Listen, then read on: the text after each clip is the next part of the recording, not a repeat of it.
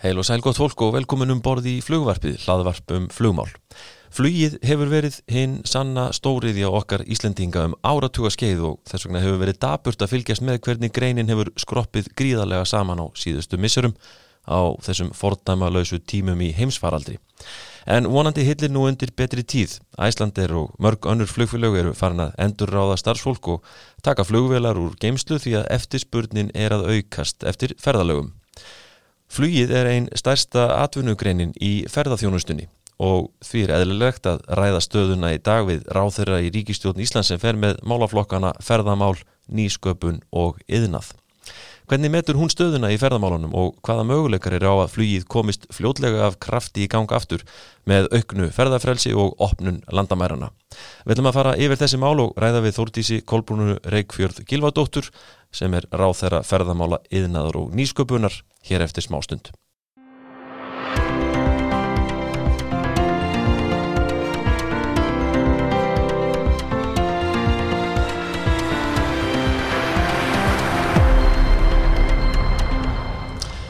Já, við ætlum að fara yfir ímismál hér í þessum þætti sem falla undir ráðanetti Þórdísar Kolbrúnar því að flugið tengist klálega inn á svið yðnaðar, ferðamála og nýsköpunar þannig að allt tengist þetta hennar, hennar málaflokki.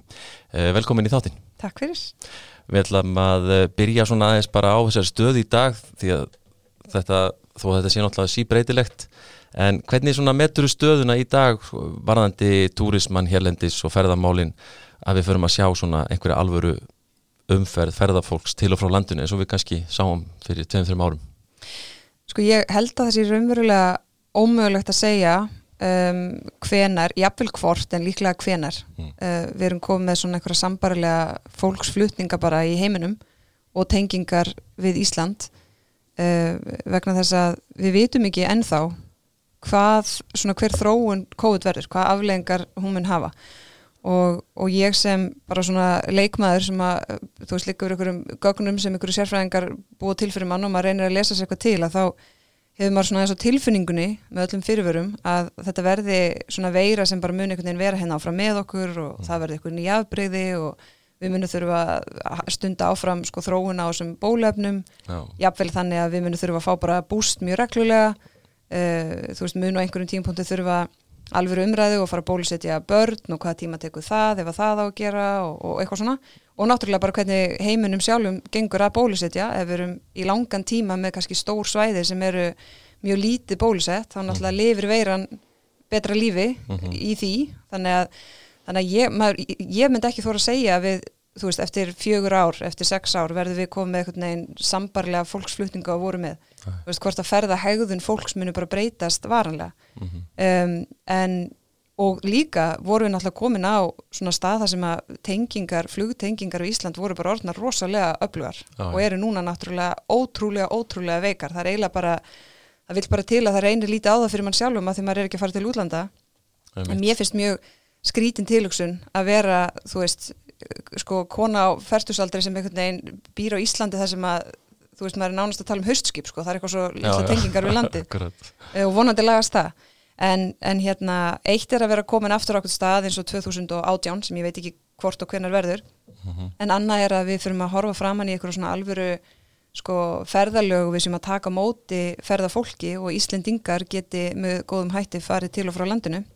Þú veist, ég menn ég vona að sumari verða allavega þannig að við séum sko með fleiri og fleiri einstaklingar sem eru með bólusetninga vottorð og þessi mótefnu vottorð sem eru að koma mm -hmm. um, vegna þess að það er í dag mjög auðvelt fyrir þau að koma Uh, af öllum þeim sem hafa komið þá verður engin hérna, greinst með veiruna í sér uh, ja, af þeim sem eru með þessi bólusetninga vottorð mm -hmm. og, og við sjáum að ferðavilji hann náttúrulega hangir mjög saman við það hvernig löndunum gengur að bólusetja þannig að þú veist Bandaríkin og Breitland ferðavilji þar er meiri, sérstaklega Bandaríkjunum Já. heldur en Evrópu Já. og við heldum fyrir nokkru mánuðum að Evrópu er því fyrir til og, og kemur frekar hingað en það virðist bara vera, þú veist, eðlilega er kannski fólk sem er með fulla bólusetningu líklegar til þess að telja það örugt og finnast það í lægi og auðvitað minna vesen Já. að ferðast þannig að ég vona að sumarið, þú veist, muni svona fel í sér einhverja umferð uh, íslenska ferðarþjónustu og náttúrulega bara flugið, veist, og það er þetta samofið en hvað gerist svo veit maður bara ekki, maður sér þessi trend veist, að, að fólk mun líklega vilja fara í lengri ferðir, þannig að það verður þá kannski ferri, veist, það mun vilja hérna, þá dvelja lengri tíma og, og, og einhverju leiti kannski velja svæðið sem eru uh, hafa svona höndla þessi kótmál ágætlega. Svo getur vel verið að það breysta því held að það eru upp í staði vilji fólk bara fá gamla lífsitt einhvern veginn aftur sko, Já, fara í mannmerðina eitthvað staðar í einhverjum stórborgum sko, ég, Já, já. ég, ég held það alveg en, en það verður aðeins að koma í ljós En sko, fyrir sko ekkit svo lungu síðan þá var talað aldrei um það að hérna, já, sumari gæti orðið stert og svona, en þetta hefur svona verið kannski aðeins að frestast svolítið inn í sumari núna og, og svona kannski möguleiki á, já, svona eftir mitt sumar sé kannski þetta pikka svona Já. að einhverju marki upp, er Já. það ekki svona rétt? Jú, og við sjáum sko, auðvitað hafa náttúrulega líka bara ákvarðanir okkar haft áhrif á það að fólk þarf að vera með eitthvað fyrirsjáleiki því og vita þú veist hvað reglum munu gilda og svona en þess vegna finnst mér þessi bólusetningavottor mjög jákvæð, sko jákvæð millileikur, auðvitað, auðvitað er ekki heilbrygt að það sé bara fólk með, þú veist, að það sé þannig hindranir að bara bólusettir fái að einhvern veginn að vera frjálsur og aðrir ekki og eitthvað en ég, mér finnst þetta svona millibils ástand alveg eðlileg leið, ég meina það er á meðan að við þurfum að, erum að ná upp vörnum hjá okkur sjálfum að þá séum við frekar að, að hérna, gera slíku fólki auðvelt að koma. Um, en við finnum að það er aukin ferðavilji og við erum að mæla bara áhuga að fólk sá að koma, þannig að ég held að, að það muni í svona allavega eitthvað í júni og svo líklega júli ágúst munum við taka móti fólki og við sjáum að, að af umferðinni á keflaugaflugli sem er náttúrulega mjög lítil að þá er samt hlutfall bólusettra, þú veist, það hækkar alltaf. Uh, auðvitað fjölgar mjög bólusettum á hverjum degi. Mhm, þannig að þú veist í því líka alveg tækifæri fyrir hérna atvinnugreinina og þar með bara þjóðabúskapin að, að taka á móti fólki sem að kemur hinga og eðir peningunum sínum og skoðar okkar fallega land. Og nú er sko, nú er kannski svona fyrsta skipti komið fram hjá ykkur ríkistjórninni svona eitthvað svona alvöru tímalína Mhm. sem að svona með einhverjum eins og segir þessum svona smávegis fyrir sjáanleika Mhm. einhverja vikur, jafnvel mánuði fram í tíman Já, hefur þú trú á því að svo tímalína svona sem búið kynna, hún geti Mhm. staðist eða, eða geti alls konar komið upp á sem að verður þess valdandi að það koma hérna skref aftur og baka því að mann finnst þeim að horfa í baksinni speilin sko, þetta er oft svona Mhm. Verið einhver góð frétt og svo svona, ah, nei, Já. tilbaka já, já ég meina og það náttúrulega maður tekur bara sko sig sem persón einhvern veginn að þá, þá hérna tógast á í manni að maður, veist, maður verður að vera bjart sín bara til þess að geta einhvern veginn díla við þetta verkefni uh, og væri mikil uppgjöf ef maður hætti því en ég hef sjálf nokkur sinnum blóta því að leifa mér að verða bjart sín og, og hérna, að því að svo er maður einhvern veginn alltaf kýldu niður og það er alltaf bara einn aðeili sem kýlur mig niður og það er COVID-19 sem gerir það. Þannig að þú veist áfram er auðvitað bara hinn almenni fyrirvar um að við erum hérna í óvissu og þú veist það er veiran sem ræður og ekki veit ég hvort það verður allt í einu ykkur afbriði sem að þú veist ykkur bólefni virka svo illa á að það er tekið upp eitthvað annað hættumat og eitthvað svona áhættumat Mhm. en það sem hefur í raun breyst er bara að við erum komin með bólefnin í hendunar þú veist við erum búin að verja allt okkar elsta fólk og viðkomasta fólk og gengur mjög vel að bólusetja núna þannig að það bara þýðir að við getum leift okkur að skrifa út svona eitthvað exit plan eitthvað svona herðu hérna þú veist við þetta marki bólusetningum þá getum við leift okkur svo svo miklar aflýtingar Mhm. þannig að ég hef alveg trú á því að það muni standast og svo bara svolítið, þú veist, sela við að maður einhvern veginn veit aldrei, veit aldrei alveg. Uh, en ég meina við erum auðvitað ganga út frá því að bólusetningi sé leiðin okkar út úr þessu. Og við sjáum það á öllum hérna gögnum að enn sem komið er að þá þegar við erum búin að bólusetja þetta svona eldra fólk og svo veikara fólk með alls konar undirleikjandi sjúkdóma og slíkt að þá, eru, þá er hættan bara svo miklu minni, það er bara svo margkvælt, margkvælt minni líkur á að þú verður alvarlega veikur, þurfur að leggast inn á spítala og svona. Mhm. Um, en við munum auðvitað aldrei geta komið í veg fyrir það allt saman en, en vonandi á einhverjum tímapunkti verður COVID einhvern veginn á pari við svona aðrar veirur uh, sem við lifum með Mhm. sem að samt vissulega er vond fyrir fólk sem er með undirlíkjandi sjúkdóma eða er veikt fyrir. Það, ég meina það er influensan líka og ég er ekki að bera þetta saman en kannski einhver tíman verður það bara samanbyrðar hæft Mhm. þegar við erum búin að ná einhverjum svona tökum á því. Að ég, ég, ég veit ekki hvort okkur takist einhvern veginn að útrýmenni en Nei, það eru, það eru svo sem aðrir betur til þess fallinir að svara því hvort að hversu mikla líkur eru á því Já, já, akkurat. En þessi bólusetningamál sko búið að vera rosalega mikið í umræðinu og svona um, og fyrir okkur Íslendinga, fámenn þjóð og svona e, er þetta ekki búið að vera svolítið klúður hvað þetta hefur gengið seint? Sko, þegar við tókum ákvörðun á sínum tíma, þegar tekjum var ákvörðun um að fylgja Evrópasambandin í þessum kaupum, Já, að þá segi ég alveg, þú veist, það hefði verið glannaskapur að að einhvern veginn bara fyrirfram segja bara nei við ætlum ekki að vera með í því. Við ætlum bara hérna einn stór og sterk þú veist út á ballar hafið 360 manns bara að redda þessu sjálf. Já, þú veist þá lág ekki fyrir hvaða bólöfni eru þau fyrst á markað hver, hvernig hérna rannsóknir kæmi út þú veist hvort eru þau yfir höfuð í nótkunni eða ekki. Mhm, um, og, og bara eðlileg, mér finnst ekki, þú veist það er alveg eðlilegt að maður hefði veðjað á að Evrópusambandi einhvern veginn saman gæti náð einhverjum slíkum dílum sko. Já, já, en, en hérna Evrópusambandi sjálft og, og svona stór lönd þar innan hafði þetta sagt, heru, þetta hefur gengið ofhægt um, en það sem að þú veist það er bara það sem er liðið er liðið og þegar maður horfir núna á stöðuna þá er ég mjög ánað að sjá hvað gengur vel að bólusetja og við erum komin eins og segi með öll þessi efni í hendunar og búin að koma þeim út í samfélagið og, og áformin eru það jákvæða ég held að við séum bara á allra næstu vikum að ná opaslega miklum árangri. Já, já. og það er í rauninni það sem, að, það sem skiptir öllu máli, svo er spurningin alltaf bara hvernig framhaldi verður, já. varðandi yngra fólk, þú veist, undir 18 ára. Mhm. ég, ég veit ekki hvernig þau mál þróast og hvort við þurfum að fá þetta á jafnvel hverju hausti eða eitthvað, ég, það er spurning. Þetta er alltaf þróast sko, einmitt. Og maður hefur heyrt einmitt vanga veldur hjá fólki sem er að velta fyrir sér ferðalögum og annað. Hvað með börnin sko, Mhm. einmitt. Þa, það er svona daldi stór breyta sem að held ég að þurfi kannski að fara að koma Já. með einhver svör við svona fyrir en senna en hérna þessi ferðarþjónusta okkar Íslendinga er náttúrulega okkar helsta útflutningsverðmæti og, og hérna og þar eru núna 2000 búin að vera án vinnu og, og, og slíkt. Þannig að þessi, þessi grein hefur má segja bara hrunið. Mm og, og hérna stór hluti af þessu atvinnuleysi bara í landinu er, er kvílir á þessari grein hvernig hefur svona aðferðafræðin verið hjá þér og þínu ráðuneyti svona til þess að hvað maður að segja, til þess að svona hlúa að greininni til þess að hún geti verið tilbúin að vaksa aftur þegar að betur árar sko það eru nokkur atrið, við höfum um, þegar kemur þessum svona efnahags úrræðum, mm, þú veist, hlutabóta leið og, og hérna varandi staðgræslu, stuðningslán og allt þetta dót. Það hefur náttúrulega verið á forræði fjármálaráðanitisins mm og við höfum hérna unnið mjög þétt með ráðanitinu, við, við erum með hérna svona hagrannan hóp sem að ráðaniti stjóra siti í og, og, og þar fara alls konar máli gegn og svo er þetta rætt bara við ríkistjóðanborðið í rauninni okkur um einasta fundi með einhverjum hætti sko, er Já. þessi COVID-mál einhvern veginn hérna rætt þannig að auðvitað eru mörg þeirra úrræði sem við höfum komið fram með verið almenn sem betur fyrr en við sjáum líka alveg á tölunum hverjir hafa nýttu mest. Og eðlilega eru það fyrirtæki sem að hafa ekki geta skapað sér tekjur annars vegar út af ákvörðun sem við höfum tekið fyrir samfélagi allt. Þannig að í raunin er, er er svo atvinnugrein svolítið að fórna sér og sínum tækifærum til tekjuöflunar í þáu samfélagsins alls og við erum þá að, að hérna, bregðast við því.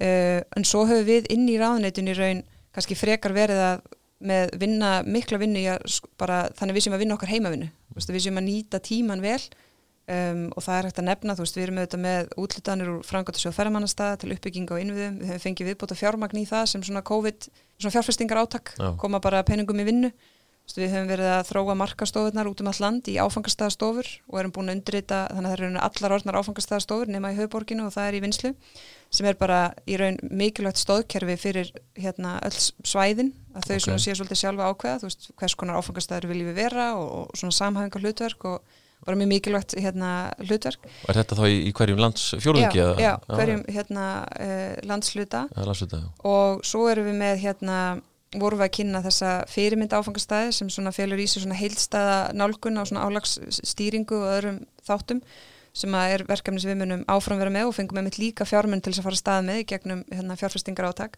og svo erum við þetta komið með okkar svona stefnuramma uh, til ásins 2030 þannig að það er, þú veist, það, það skiptir líka máli að við séum tilbúin þegar viðspilnan verður að nýju að við séum þá að taka ákvarðanir í samræmi við þá stefnum sem við höfum markað uh, að við séum að hérna svona nýta það tækifæri fyrst það þurft að gerast að við erum svona einhverju leiti með aukt blað að, að við séum þá að gera taka ákvarðanir sem að stuðla því að við séum að ná fram okkar markmiðum til dæmis eins og það við viljum vera veist, leiðandi í sjálfbæri þróun að við séum að, að hérna, tryggja það að uppbygging reynirinn að sé í sátt við heimamenn að ferðalanga sem koma séu mjög ánæður með upplifun sína að við séum, sem ég hef sagt frá fyrsta degi frá því stegin í ráðniti að það er ekki fjöldi ferðamann sem skiptir máli heldur hverju greinin skilar og svona gæði greinarinnar Mhm. uh, og allt þetta hefur við verið á, á fullu inn í ráðunitinu og svo með fjármálandi í þessum svona Mhm. efnaðsúræðum sem að við finnum alveg að hafa auðvitað skipt ótrúlega miklu máli og þótt að sé alltaf þannig að það er ykkur jaðartilvik og, og, og hérna og alltaf einhver sem finnst ekki nóg að gert og svona að þá finn ég samt að, að þú veist, atvinnugreinin er einn þakklátt fyrir skilning og stuðning.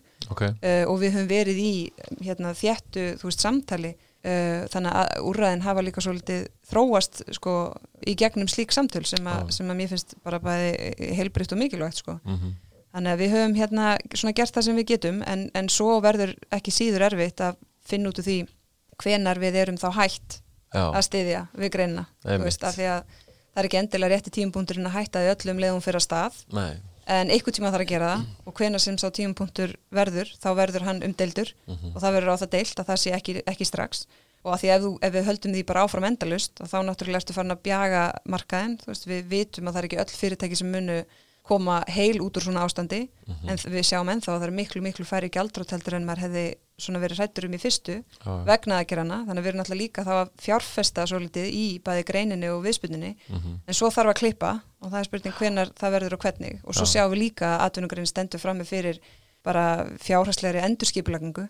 Og þú veist, vandi sem byrjaði sem einhver svona rekstra vandi og við ætlum einhvern veginn að brúa bil er bara orðin vandi og efnaðsreikning fyrirtækjana já, og þá erum við komin í bara mjög erfið umræðu, þú veist, að eiga stjórnvöld að stíga inn í það eða alls ekki og bara eru það fjármálastofnanir sem að finna út úr því og, og hérna ábyrð þeirra er mikil og þar ertu komið með gömul sár og alls konar tilfinningar bara frá sko fyrra hrunni, já, þú já, veist, já, já, þannig að þetta verður hérna Þetta er, það er verk að vinna framöndan sko, Já, en, já. en, en heilt yfir er ég samt þeirra skoðanar að, að framtíð ferðarþjónustuna sé björt og við hefum mjög svona mikil og góð tækifæri til þess að byggja upp bara framúskarandi atvinnugrein og mikilvægt að halda til haga. Við erum náttúrulega á, sko, stöndum á grunni sem að var ekki tekin af okkur þó að COVID hafi komið. Nei, þú veist, við erum hérna búin að vinna meira hátt og mikla vinnunda fyrir tíu ár þannig að þó við séum komið niður í fjölda ferðamanna þá er ekki þar með sagt að árið sé aftur 2010 og við þurfum að fara að vinna alla þá vinnu upp og nýtt. Nei, það er ekki þannig sko. Nei En hérna, þannig að þú hefur trú á því þetta svona, þú veist það sé góðu grunnur hérna til að byggja á þegar að svona viðspinnan getur farið að byrja? Já, Já, sko Æslandir er til dæmis eitt stærsta hérna, fyrirtæki landsins í ferðarþjónustu mm e, og má nú muna sinn fývil fegur í svona hvað hva varðar stærri fyrirtæki sinns og, og rekstur á allan hátt. Var það til dæmis rétt ákvörðin hjá okkur að, veita þeirri hérna ríkis ábyrð eða þessa lána línu til þrautavara? Mm það var náttúrulega umdelt á sínum tíma Já, ég til það hafi verið rétt ákvörðun þetta var auðvitað mjög sko þungur tími þú veist, Mm. það, það, ekki, það var ekki þannig að fyrirtæki hafi komið til okkar með eina beðni og við höfum sagt hérna já og svo hafi það ekki verið rætt frekar. Þú veist, þetta var uh, fyrirtæki þurfti að, að hérna, vinna sína heimavinnu og, og þannig að það var alls ekki sjálf gefið uh, og þessi lending fannst mér uh, skinsamleg og ég auðvitað vonast með þess að það muni alls ekki dreina á þessa lánalínu. Nei, um, en sko það er eins og þú segir, ég meina þetta, þetta sko flugfélag er í raun veist, verandi eiga með hérna auðvitað nokkra leiðir inn í landið en, en ennþá er það þannig að langstæðstur hlutin kemur í gegnum keflækuflugul um, að þá er rosalega brotætt að ætla að byggja upp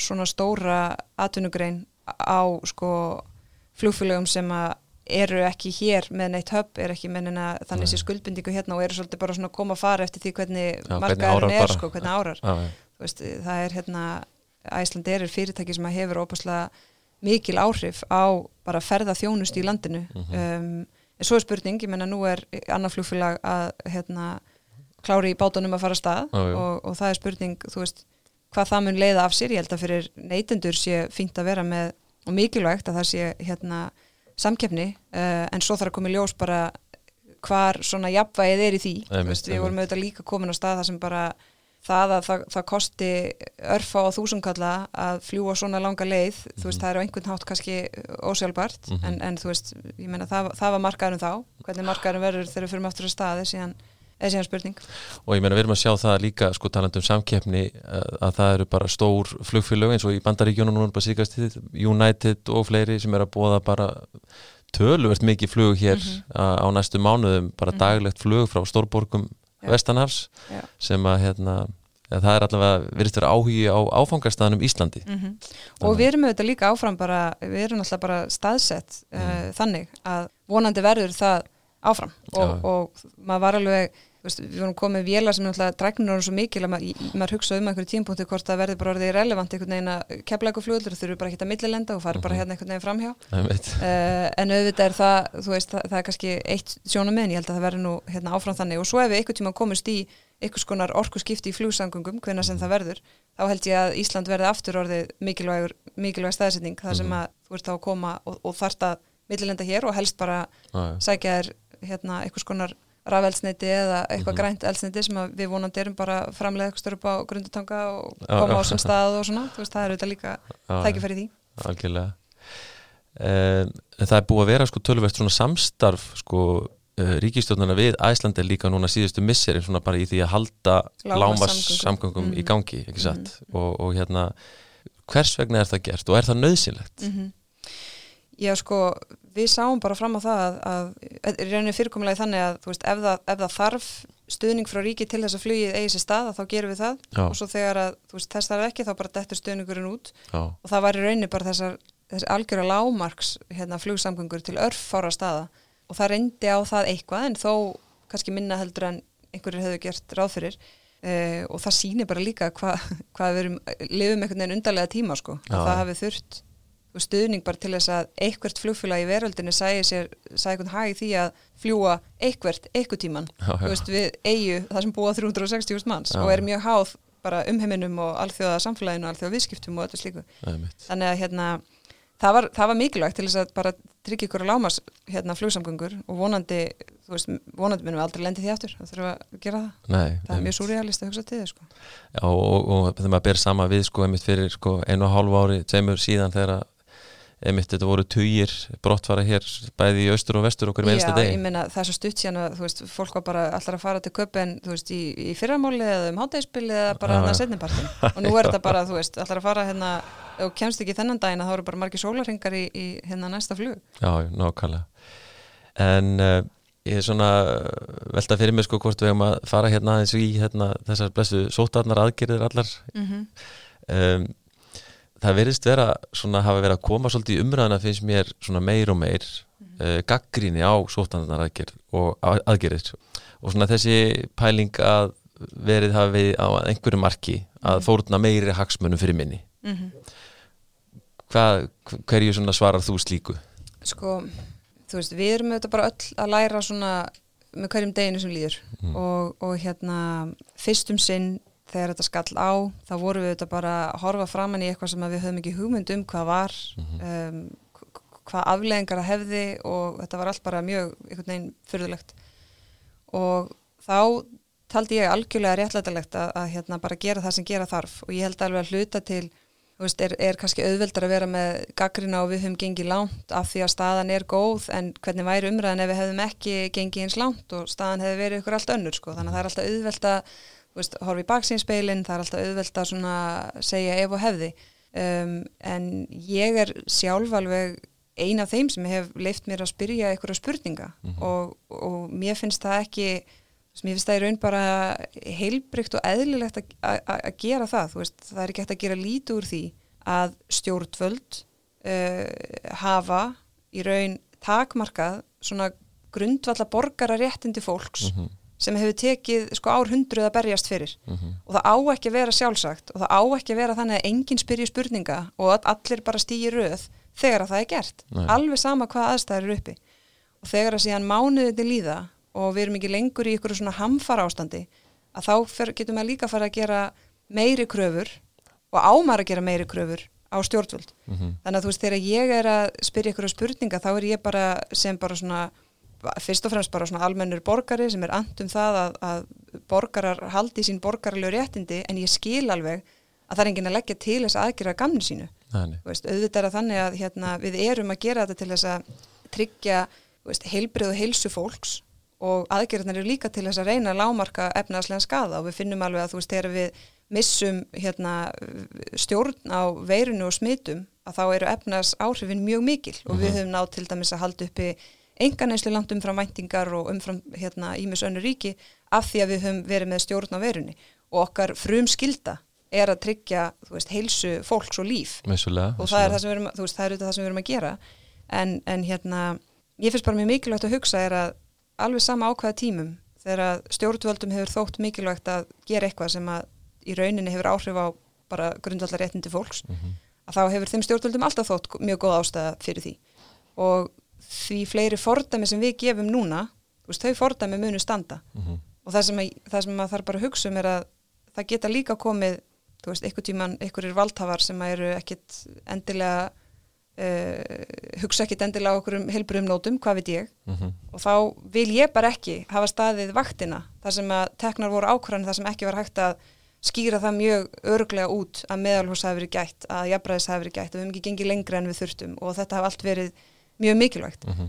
og þess vegna líka þurfum við að passa það þegar að síðan aðstæðunar lagast að þá verður alltaf einhverju sem að vilja bara halda í þetta fyrirkomulag sko. þetta fyrirkomulag er óeðlilegt Einmitt. og það er bara það líka sem ég vistu alls ekki með að gleyma sko. Nei, það er svona þegar að sko, eftir þessum tími líður þá verður þetta einhvern veginn svona ég, veit ekki sko, í su- hug, huga sumra bara eins og eitthvað normal sko. Já, svo að maður séð líka eins og þú segir sko, þeir sem að kannski voga sér að, að segja uh, hugsin eða, eða spyrja gaggrínuna spurninga að þá hérna þá er svo oft sem að verist er að fara svolítið í mannin frekar en, en Mhm. kannski málefnið og, og, og það rætt einhvern veginn á þess að fara í einhverja skografir. Mm Svo eru líka bara, ég held sko það sem að veginn líka eins að svona reyna skilja er bara að fólk er mjög hrætt Já. og fólk er ennþá mjög hrætt. Já, já, og þegar að fólk er hrætt að þá er manneskjan bara almennt til í að gera hvað sem þarf Mhm. þú veist, til þess einhvern veginn að verja sig og sína mhm, og ég ger ekki lítið úr því og ég held að þess vegna vona ég að takturinn aðeins breytist þegar að fleiri og fleiri geta sagt, heyrðu, manneskjan sem ég er hrættu með mínu lífi sem er, þú veist, amma mín eða veikur Mhm. frændi minn eða ég sjálf nú er ég orðin varin og þá svona kannski náum við svona, svona meira jafnvægi einhvern veginn í umræðina uh, en heilt yfir getum við líka sagt að, að veist, þetta hefur gengið ótrúlega vel og ég menna þú veist, þegar við segjum hérna, þú veist, ef ekki hefur verið fyrir eitthvað svona samtaka mátt bara samfélagsins mhm. það hefur þetta ekkert gengið svona vel og það maður þetta heilt yfir, ég meina, höfum við bara staðið okkur vel sko.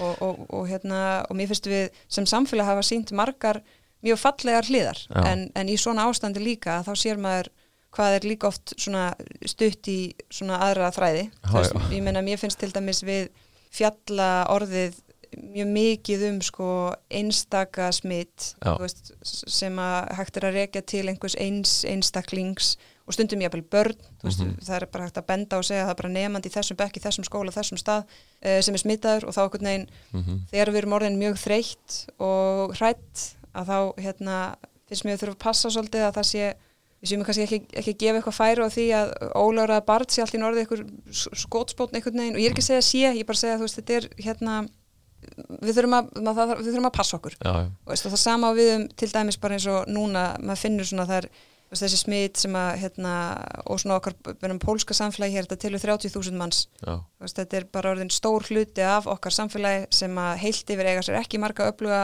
málsvarar ábyrrandi einhvern veginn í samfélaginu. Mhm, og það sem ég myndi allra síst vilja sjá er einhvern veginn að það sé verið að gefa eitthvað skotleifi eða einhvern veginn auka á eitthvað sem er neikvætt þú veist, gagvart hérna íbúum sem Já, að búa hérna og eru að koma sér upp fjölskyldu og, og, og sinna hérna, mikilvægum störfum og svona. Mér finnst það bara þurfa að hafa það í huga, þú veist að já. það er rosalega auðvelt alltaf að finna eitthvað til þess að taka út reyðina og eða geta sagt, þú veist, heyrðu, það er þessum að kenna og eitthvað. En hér skipta líka hérna sko talandu svona óttan og umræðin og allt þetta. Þetta skiptir rosalega máli til dæmis þetta fjóruða vald sem eru fjölmiðlandir Mm og þá dættu mér í hug til dæmis þessir upplýsingafundir almannavarna Mhm. og ég hef svona spurt mig hvenær kemur að því að fólk sér sér bara ekki knúið til að halda þessa fundi skilur að ég held að mjög margir til dæmis sko þó að það sé kannski ekki meiningin en þetta elur á óttanum klálega að mínum mati Mhm. Já, ég hugsa líka, sko, kannski fólki sem er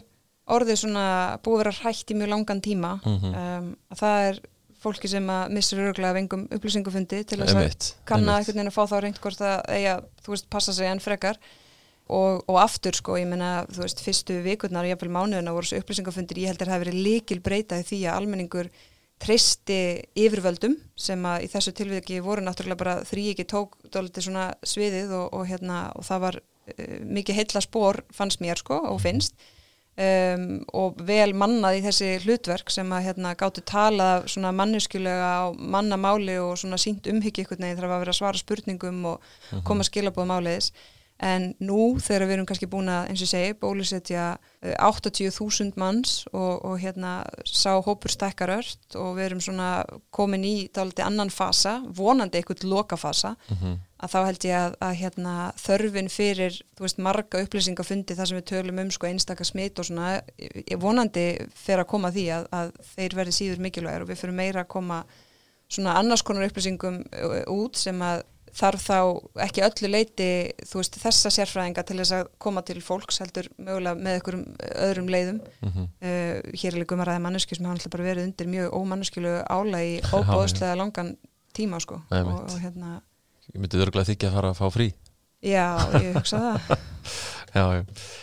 En hefur, setjum hér punktin við hérna, þessi sótvarnar uh, málöll aðeins í, í hérna nýsköpun og, og orkumála eh, og slíkt fyrir að fyrst að það var nú frétt um daginn að, að þú væri að leggja niður nýsköpun að miðstöð Íslands mm. þegar að þú síðan segist vera að leggja áherslu á nýsköpun hvernig fer þetta nú saman?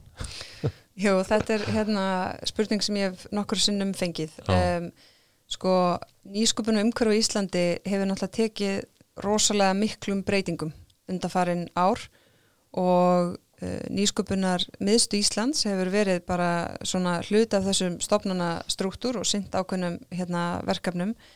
Um, hluti þeirra verkefna sem að þar hefur verið synd verður synd áfram og er búið að koma bara fyrir á, á öðrum stað eins og til og með þetta hlut af þessum í húsnæðis og mannverkistofnun sem að ber ábyrð á í raun til dæmis svona byggingarannsóknum og þeim málaflokkum þannig að það er bara svona ákveðin hérna svona skilvirkni bara í hérna stopnana umhverfinu. Um, við erum að eh, styðja í raun með öðrum hætti og, og, og að mínumati og ég vona öflúri hætti við uh, uppbyggingu svona nýskupinu umhverfis út um land með því að búa til lóu þarna kvatastyrki um, og maður finnur sko við kynntum þetta sem áform í februar á síðast ári og það hefur, það var tölvert gaggrínt og er núna sagt sko, herri, hún, þú veist, fyrst að tekin ákvörnum að leggja niður NMI og svo átt að finna út hvernig. Uh, sko, ég tók ákvörnum að fara þá leið að kynna þetta sem áform til þess einmitt að geta náð veist, samtali og samráði við hagaðala um það hvernig það er best gert, hvar verkefni ættu helst heima og svo framvegs Um, og við höfum síðan líka tekið ákvörðunum að koma að fótt tækni setri sem er nú svona gamall draumur held ég mjög margra uh, bæðin í þú veist akademíu og, og sömulegis hérna hjá svona þessum frumkvöðla bransa og, og bara nýskupunar umhverfa á Íslandi. Og hugmyndin er að það fari inn í uh, Vasmýruna ekki, ekki alveg strax en, en, en hérna vonandi eftir kannski tvö ár. Og það er þá svona aðstæða með einmitt öllum þessum tækjum sem ég ger tala um að séu mikilvægt að, að fólk hafa aðgengjað sem að nýsköpunum miðstu á í dag. Og ná þar fram þá um, svona meiri samþættingu háskólasamfélagsins, atvinnlífsins og frumkvöla mm -hmm. sem að hérna er mjög mikilvægt og er aðfrafræði sem bara er, er vitað að virkar. Og, og hérna og ég bind mjög mikla vonir við það tæknisettur og eins og segi þetta hefur verið rætt um að gera þetta í óbúslega langan tíma og núna erum við að taka slík stök og slík, slík skref. En hérna það er einfallega þannig að sko, það er ekki vinsælt og það er ekki algengt að taka til einhverjum svona gaggira endurskoðunar ákveðin hlutverkur ríkisins. Og það veriðist vera miklu auðveldara að hlaða alltaf ofan á það sem fyrir er. Mm -hmm. þannig að fái stjórnmálumæði nýja hugmynd um, pressi kjósendur eða komið frá máli í kostningabaróttu eða, eða frá okkur um hagsmunnaðalum eða eitthvað um að gera eitthvað að þá er alltaf auðveldara bara að hlaða því ofan á og byggja meiri penning og sinna því. Og ég hérna er einfallega þeirra skoðunar að, að það þurfi bara að gera meiri kröfur á stjórnmálumenn að endur skoða það sem fyrir er bæði í formi uh, laga og regluna þar að segja að, að ef að það var ástæð til þess að setja ykkur að byrðara á atunlífi eða einstaklinga fyrir 25 árum síðan og það er það ekki lengur, þá bara taka það út Já. og við erum ekki náttúrulega duglega að gera það uh, og það er ekki nægilega svona skilvirkir einhvern veginn ferlar og farvegir til þess að, að sinna því og kannski heldur ekki nægilega mikið aðhald bara frá fólki að það sé hlutverk stjórnmálumanna og það sama á við um ofinberar stopnarnir og, og bara í, hvað við setjum peningaskatt greinda í og eins og ég segi það voru mörg verkefni þetta sem er mikilvægt að vera áframsynd og þeim verður áframsynd en það er líka hluti af verkefnum sem var kannski mikilvægt að ríkið sæi um fyrir 15 árum síðan en er bara ekki nöðsynlegt að ríkið sjáu um lengur. Nei. Það er kannski alveg notalegt en það er ekki nöðsynlegt og stundum og ég menna nýskopinu umhverju er einmitt þannig að, að hérna, fólk þarf svolítið að vera mjög frjótt í slíku umhverju og það hafa stokkið fram uh, margir aðeila sem eru að hérna, bjóða upp á alls konar uh, þjónustu og, og hérna, stuðning. Við höfum stór eld allan stuðning við nýskupin í landinu, ég minna það hefur engin ríkistjórn sett eins mikla fjármunni í nýskupin eins og þessi ríkistjórn, engin. Og þó ég segja á sama tíma að það sé ekki mæli hverða árangur hvað setjum mikla peninga að þá höfum við kannski verið að leggja áherslu á þau atrið sem að skipta okkur mestu máli þegar kemur að svona uppbygging og samkjöfnishæfni landsins, þú veist, við erum búin að auka hérna endugreislu rannsókn og þróunarkostnar bæði þannig að það er herri prósenda og það er herra þak þannig að stærri fyrirtæki eru þá líka að nýta í meira mæli. Þetta hefur skilað sér í því að við höfum, það er met ár í hérna, rannsókn og þróun fyrirtæki á Íslandi. Þetta eru fyrirtækin sem eru að ráða til sín uh, nýtt fólk, bara langflest fyrirtæki eru að því. Við erum að koma fót hérna kríu sem er svona til þess að stuðla því að vísisjóður verði til. Vísisjóður eru bara sjóður sem að fjárfesta í mörgum hugmyndum í þeirri vonum að einhver þeirra hérna, verði stór, mm -hmm. vitandi að sum þeirra muni bara fjara út og við höfum verið með umhverju þar sem að það er of svona tilvíljana, eða þess að það, er verða til sjóðir og svo fjárfesta þeir sig til fulls mm. og þá bara er engin peningur til til þess að fjárfesta í. Þess vegna komum við á fót gríu til þess að vera með kvata til þess að fleiri slíki sjóður verði til. Það er að, hérna, hefur allavega haft áhrif vegna þess að það eru all nokkri sjóður að verða til sem að munu öllum líkitum geta fengið mótframlag frá kríu sem er á nákvæmlega hugmyndin.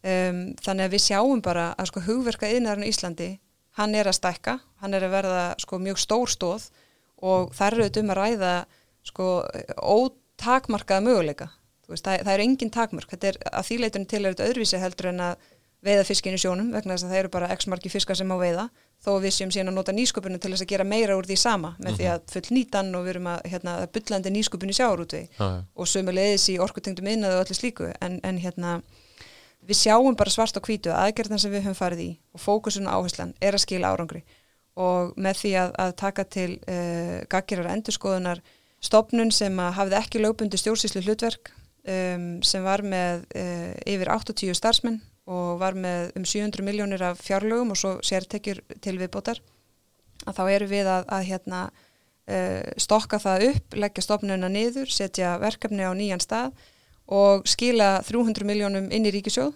og hef, það hefði ekki verið vandamál fyrir mig að, að rásta á þeim fjármunum, þú veist, nægar eru beðnirnar en, mhm. en, en mér fannst mikilvægt að þú veist, bara einfallega segja það sem ég meina og meina það sem ég segi þegar að hérna mér finnst að vera hlutverk stjórnmálumanna að, að uh, sína eitthvað svona kjarki því og meina það að það sé hlutverk okkar að endur skoða það sem að fyrir er.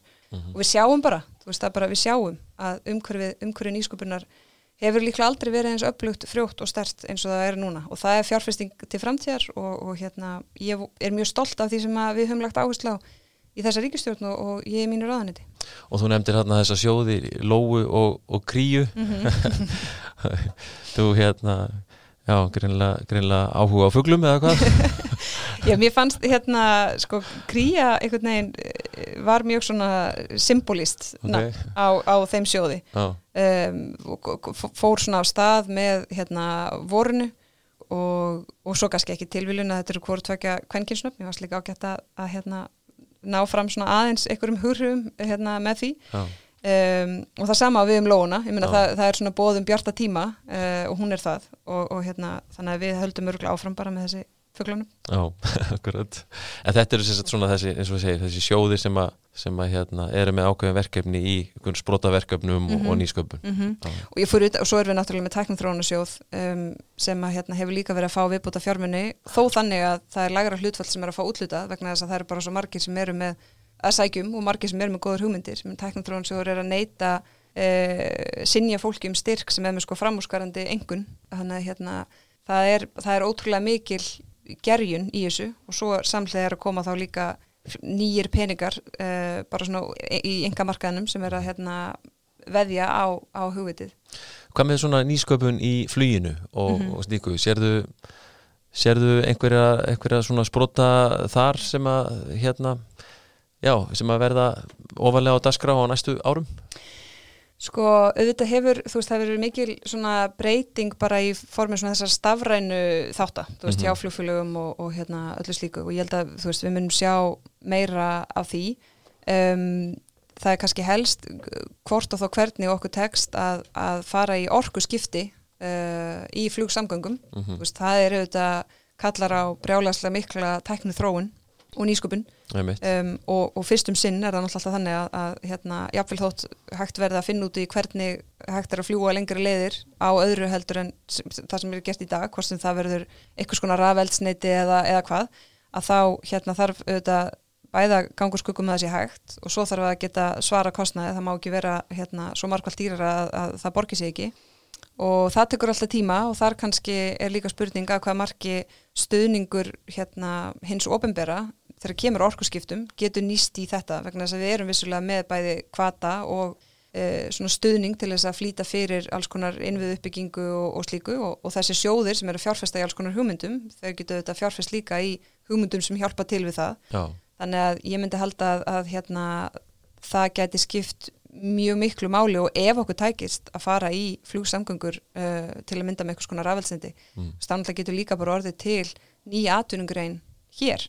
Veist, og það að, að Ísland væri að þjónusta flugvilar ekki bara íslenskar, íslenskum flugflugum heldur bara flugvilar með hérna enduníalegu eldsneiti þar verður við svo sannlega að slá margarflugur í einu höggi, veist, gott fyrir hérna, umhverfið minni losun, nýja atvinnugrein gælduristekjur og svo framvegs og svo framvegs mm -hmm. þannig að hérna, það er værið þetta risastórt mál. En hvað, þú veist, ef að, ef að nú einhverjir hérna, hvað maður segja, velþengjandi flug áhuga menn hérna mm -hmm. út er að hlusta á okkur sko og eru með einhverja brilljant hugmyndir Hva, -hmm. hvert, hvert getur þú beint þeim? Varðandi Varðandi svona, veist, að, að fá kannski hugmyndum sínum framgengt og fá peninga í að vinna einhver verkefni eða ef slíkt, mm -hmm. slíkt það er Sko, ég held að væri bara fyrst og fremst til sko, þeirra sem eru að fjárfesta í slíkum hugmyndum Já. sem eru þá bæði einstakar sjóðir Já Um, Þessi sjóður eins og við vorum að nefna á þann mögulega? Já, já sko tæknumþróunsjóður, alltaf með alls konar hérna, styrki en svo ertu líka bara með sko svona þessa vísisjóði eins og þú veist brunnur, frumtak og, svo er verða til fleiri nýjir krópur í og fleiri sjóður okay. sem er raun að fjárfesta bara í góðum hugmyndum okay. veist, þannig að hérna, ef það er fjármaks er til í að veðja á hugmynduna þá getur hlupið hraðara stað Já Uh, og svo náttúrulega kannski bara í formi líka einhvers konar uh, samvinnu, þú veist þetta er oft samstarf og við sjáum það núna, við erum með hérna, frumkvöla sem eru til dæmis íslenska frumkvöla í samstarfi við einhverja tækni risa og það, veist, það er ótrúlega mikil ótrúlega mikil gerjum þegar það kemur að, að hérna, bæði bara sko, nýskupun almennt en maður horfður sérstaklega til að þessi svona grænu orkutengdu verkefni og svona forskot sem við getum haft hér að þá er rosalega mikil áhugi og vonandi tekst okkur að grípa það mm -hmm. veist, það eru allir að leita bara allstæðar en hérna, ég, ég sitt bara orðið mjög marga fundið þar sem kemur eitthvað framhúsgarandi fólk með eitthvað meiriháttar hugmynd og, og, hérna, og mjög svona promising plön, þú veist, mm -hmm. er, mhm. er komið til að mynda með samstarfið eitthvað hérna, stóru og stöndu alþjóðleg uh, teknifyrirtæki og svona þannig að þú veist, ég vona bara ég vona bara ríki verið ekki fyrir Já, veist, eitt er að fjárfesta, annað er bara líka verið ekki fyrir við séum til að mynda með bara regluverki sér þannig að það takir bara ekki allt um mörg ára að, hérna, fá leifi og fá svör og svoleiðis.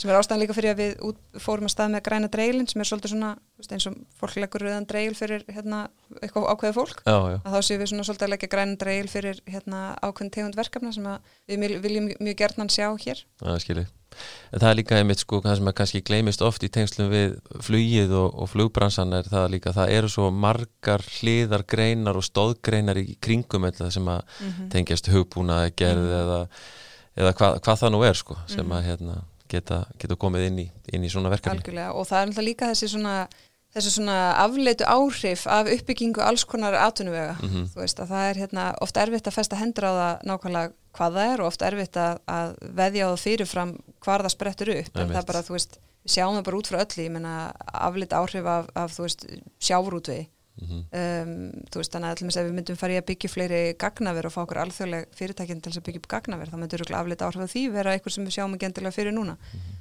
aflita áhrif af bara fiskaldi veist, út um land, það eru bara alls konar nýjir hluti sem að spretta upp og það sama á við um í raun allt annað og, hérna, og það er svona líka er hugverkina en svo spennandi vegna þess að hann, eins og sé hann er bæði án takmarkana og svo er hann bara, hann er bara allstar þú veist, það er alveg saman og horfið bara á heilbreyðismál, þú veist, þá ertu í rauninni með sko, þú veist, hugverkiðin og, tæ, og tæknin er einhvern veginn út um allt. Veist, hún, hún, og ef hún því meiri sess hún skipar í, þú veist, mentamálum heilbreyðismálum, öldrunamálum öllum atvinnuvegum, því bara meiri líkur á við getum sko staðist að kröfu sem gerir til okkar tryggt að fólk sé að fá það þjónustu sem það er að byggjum, að við getum borgað fyrir það sem það þarf að borga fyrir við sem samfélag. Mm. og við séum með samkjömsforskot það sem við viljum hafa hérna, eitthvað samkjömshæfni og forskot á önnur lönd og svona. Þannig að, að ég er ekki búin að ákvæða hvað ætla að vera því hún stór þá væri mjög spennandi að vera eitthvað skona fyrir um gull Já, akkurat.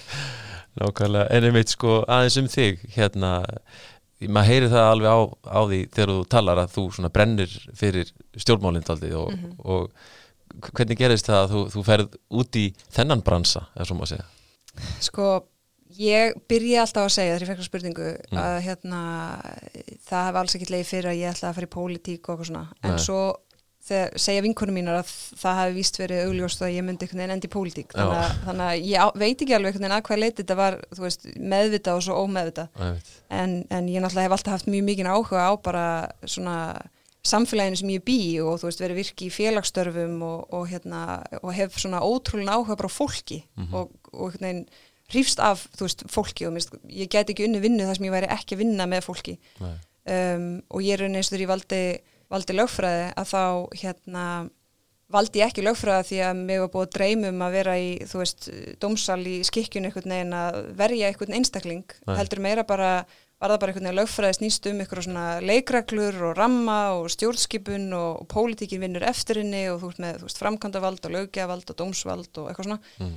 um, svo bara einhvern veginn, þú veist, ég byrjaði í stjórnsús ja. sem var ótrúlega lærdomsvíkt að því að það var hérna í miðju hruni það var fyrst svona 2007 og svo kom hrun og svo, þú veist, það var mjög ja, áhugavert ja. og sama tíma var ég sín í lagadeildinni þar sem voru náttúrulega önnur sjónamið og svona aðeins önnur nálgun þar Svo var ég formar ungra sjálfstæðismann Akransi, fór svo einhvern veginn að lista og fór, fór svo í prófkjör og var kostningastjóri og frangtstjóri þingflokks og aðstofað maður á þeirra og svo var ég bara mm -hmm. óletið mín öðru batni og böð mér fram í norvestu kjörtami sem að hafi, sjálfstæðisflokkun hafi aldrei kosið konu beint á þing sko á þeim tíma og ég vissi ekki eins og þegar ég Já, í, í, í þessa kjörtami? Já, í kjörtaminu. Þá hafði, hérna, þú veist, það hafði kona tekið sæt á þingi og, og, og verið kjörin sem svona, hérna, uppbóta þingmaður en, en ekki öðruvísi. Nei, nei.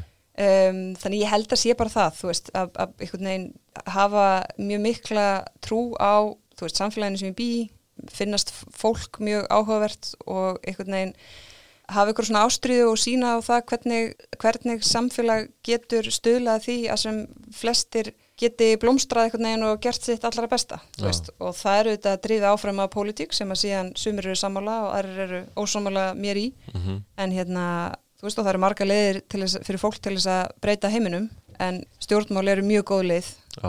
til þess að hafa áhrif á samfélagi sitt. Þannig að einhvern veginn er þetta bara það skemmtilegasta sem ég veit um sko. Og, og er náttúrulega líki ráðuniti sem er meiri hátar spennandi. Þó, þó ég geti vel máta mig við alls konar önnur hérna, ráðuniti sko. Um, þannig að það er líka útrúlega gaman að fá þú veist að fá umbóð frá, það er ekki eins og ég ráði mig sjálf í vinnu. Þú veist, nei, nei, hérna, fá umbóð frá fólki og vera treyst bæði sem Til til að stuttur ráninga tími þannig? Já, til til að stuttur ráninga tími og, og eilíf ósa já, já. Uh, en, en bæði það verið trist af, af hérna, mínum kjósendum í, í norðvestu kjörðami og síðan af hérna, þingfloknum og þinginötu til þess að vera í ráþarastól og svo af veist, sjálfstæðis fólki út um all land til þess að mm. vera bara í fórustu fyrir hérna, stæðsta stjórnmálflokki í landinu veist, er, þetta er hérna, mikið traust og mikið ábyrð og, og, hérna, og ég bara gerir mitt allra best til að reyna til að standa undir því Já Fætt og uppalinn á Akranesi, hvernig var að vera mm. krakki á skaganum? Það var meira áttar sko okay. Já, það var það um, Ég náttúrulega æfði sund, þú veist, í tíu ár Já. þannig að þetta var svolítið svona maður var annarkvæmt bara í skólanum, leikaði vinnu sína heima í ömyndísu eða á sundagingum og þetta er hérna meira áttar samfélag, þú veist, þetta er badvænt samfélag, þetta er mm. fjölskylduvænt samfélag um, með upplugt, þú veist, uppluga leikskóla, skóla, íþróttastarf og svona og náttúrulega stutt frá borginni þannig að það var svona til til að auðvelda að hérna að fara á milli. Um, en ég bý mjög að því að þú veist vera alveg upp bæðið út á landi og þú veist ég var í, í framhaldsskóla fjörblöðskóla Vesturlands á Akrahensi þannig að það var svona kannski aðeins meiri svona þverskurður af hérna krökkum heldur en er í sumum skólum í Reykjavík sem að alltaf eru, þú veist, mjög flottir skólar sko, en finn, maður finnur alveg að hann alltaf bara mótast af, af bæði uppeldi og svona því sem maður hefur verið að gera aður. Og ég er mjög þakklátt fyrir að hafa bara fengið alls til bakgransi sko. Um hverfi mótar fólk að einhverju marki alltaf? Já, það gerir það sko. Já. og þú nefndir hérna ömmu Dísu Mhm. uh, þannig að þá komin skýring á Þórdísan nafninu Já, en hvað með þetta reikfjörð?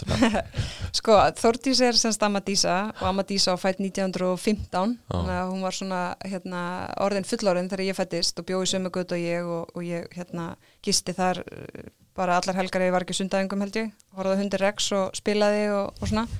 Um, Kolbrúnanafni er síðan besta vinkona eh, mömmu sem að lést í mótjóluslýsi þegar þær voru ungar. Hún hétt Kolbrún, Kolla. Og svo er Reykjörð sem að einmitt mjög margir halda að sé sko Reykjafjörður á hérna e, ströndum af því að það er sagt pappa megin Reykjafjörðarnafni og tengja þá við ömmu gerðu. Mm. Uh, og langt flestir halda það og svona gera ráð fyrir því og gefa sér það. En Reykjafjörðarnafni kemur úr hérna Reykjafjörðin í djúpi sem að, og afi minn Ásgeir bar það nafn. Um, geri póstur eins og að kalla það rakransi uh, Ásgeir Reykjörð Hannesson. Og það var, eins og ég þekki söguna var það dálítið, sko, þá þótti mjög fínt að vera með svona ættanafn en, og það var kannski þótti fínt að því það var almennt fítna fólk sem að bara ættanafn en Reykjörð er ekki ættanafn það Nei. er bara millinafn sem að hérna, fóreldra afa bara vildu vera með svona fínt nafn Já. og, og tóku það bara upp sem millinafn og, og ég veit ekki hvort það hefði ekki hefði ekki kostað að taka upp ættanafn eða hefði ekki ráðað því eða hvað, ég veit ekki Nei. en hérna, þannig að mér þykir ótrúlega vænt um öll löfnum mín og svo þannig ég er alltaf svo rosa samisku sem það verður að spyrja hvort það með stýta nafnið sko þá er ég alltaf erfitt með að forna ykkur þess vegna er ég, þess vegna ég veit þetta er mjög langt nafn og svo er ég með langan titil og þú veist, fólk sem þarf að kynna mig á málþingum og svona, fá held ég alltaf eitthvað streskast en, en hérna ég, ég nota samt mjög mikið bara Þórdís Kolbrún Reykjörgi já, þú vilt hafa þetta allt saman Já, eiginlega, því að þú veist, ég vil alltaf vera kent við hérna, elsku pappa og svo erum við Reykjörð og svo Kolbrún og svo að þetta er reykjafjörður í Ísafjörðardjúpinu Það sko þá vitið það Já.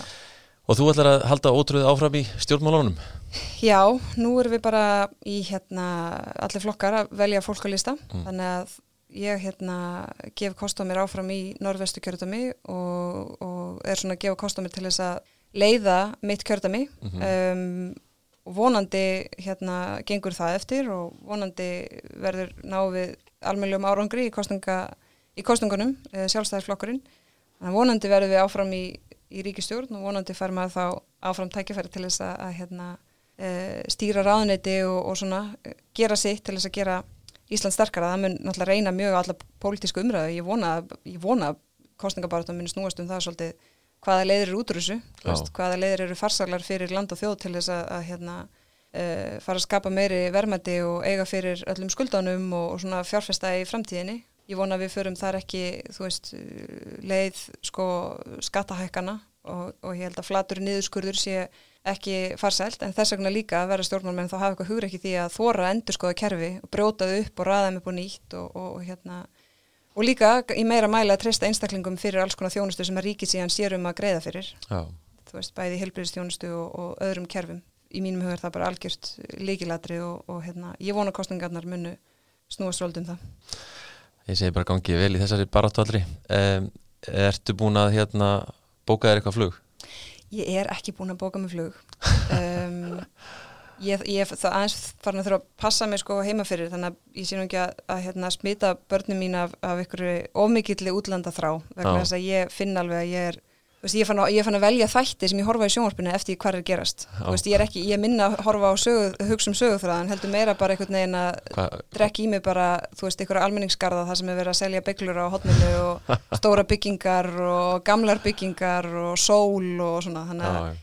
ég viðkynna það alveg, ég er, er Hún er spennt að komast út. Já, ég saknaðist mjög að komast ekki til útlanda sko og það Já. er bæði, þú veist, bara að hlusta á fólk tala annað tungumál og leysa sín einhvern veginn, hvers, hverstags vandamál á næsta borði einhvern veginn, Mhm. yfir í bara, þú veist, að skipta um umhverfi, að vera eitthvað sem að, þú veist, enginn þekki mann og maður svona týnist Mhm. svolítið í fjöldanum og, og fá svona aðeins sól í andliti og grænan gróður sem vissulega er, er nú stundum hér líka á sumurinn sko, en, en hérna, ég kann mjög að meta hvað heimurinn er stór og mér finnst það norðin full lítill þegar maður er búin að vera svona Já. lengi, lengi heima á Íslandi.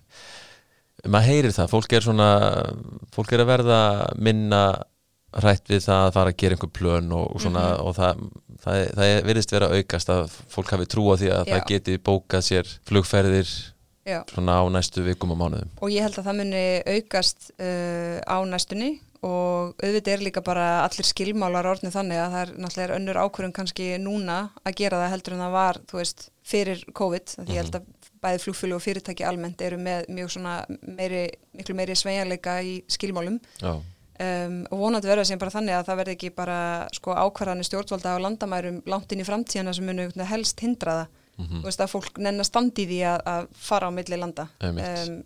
ef við höldum plani klárum hér að bólusetja og það kemur ekki eitthvað meiri háttar upp Mm. að þá hérna vonandi sjáum við fram á svona einhverja eðlilegri fólksflutninga og, og ferðalög sko, sem er nú partur að það að vera til algjörlega Þar með held ég bara að við sláum botni í hérna þetta spjall okkar. Uh, Takk hérlega fyrir komuna í flugvarpið Þortís Já, takk fyrir mig. Og gleðilegt sumar. Það Já, gleðilegt sumar, er- það er komið sumar. Vonandi að hérna, það sé að koma bara með betri tíð og blóm í haga og allt það. Og uh, segjum þetta gott í bili, höldum áfram að tala hérna við áhugavert fólk og fræðast um flugið í næstu þáttum. Þar til næst, góða stundir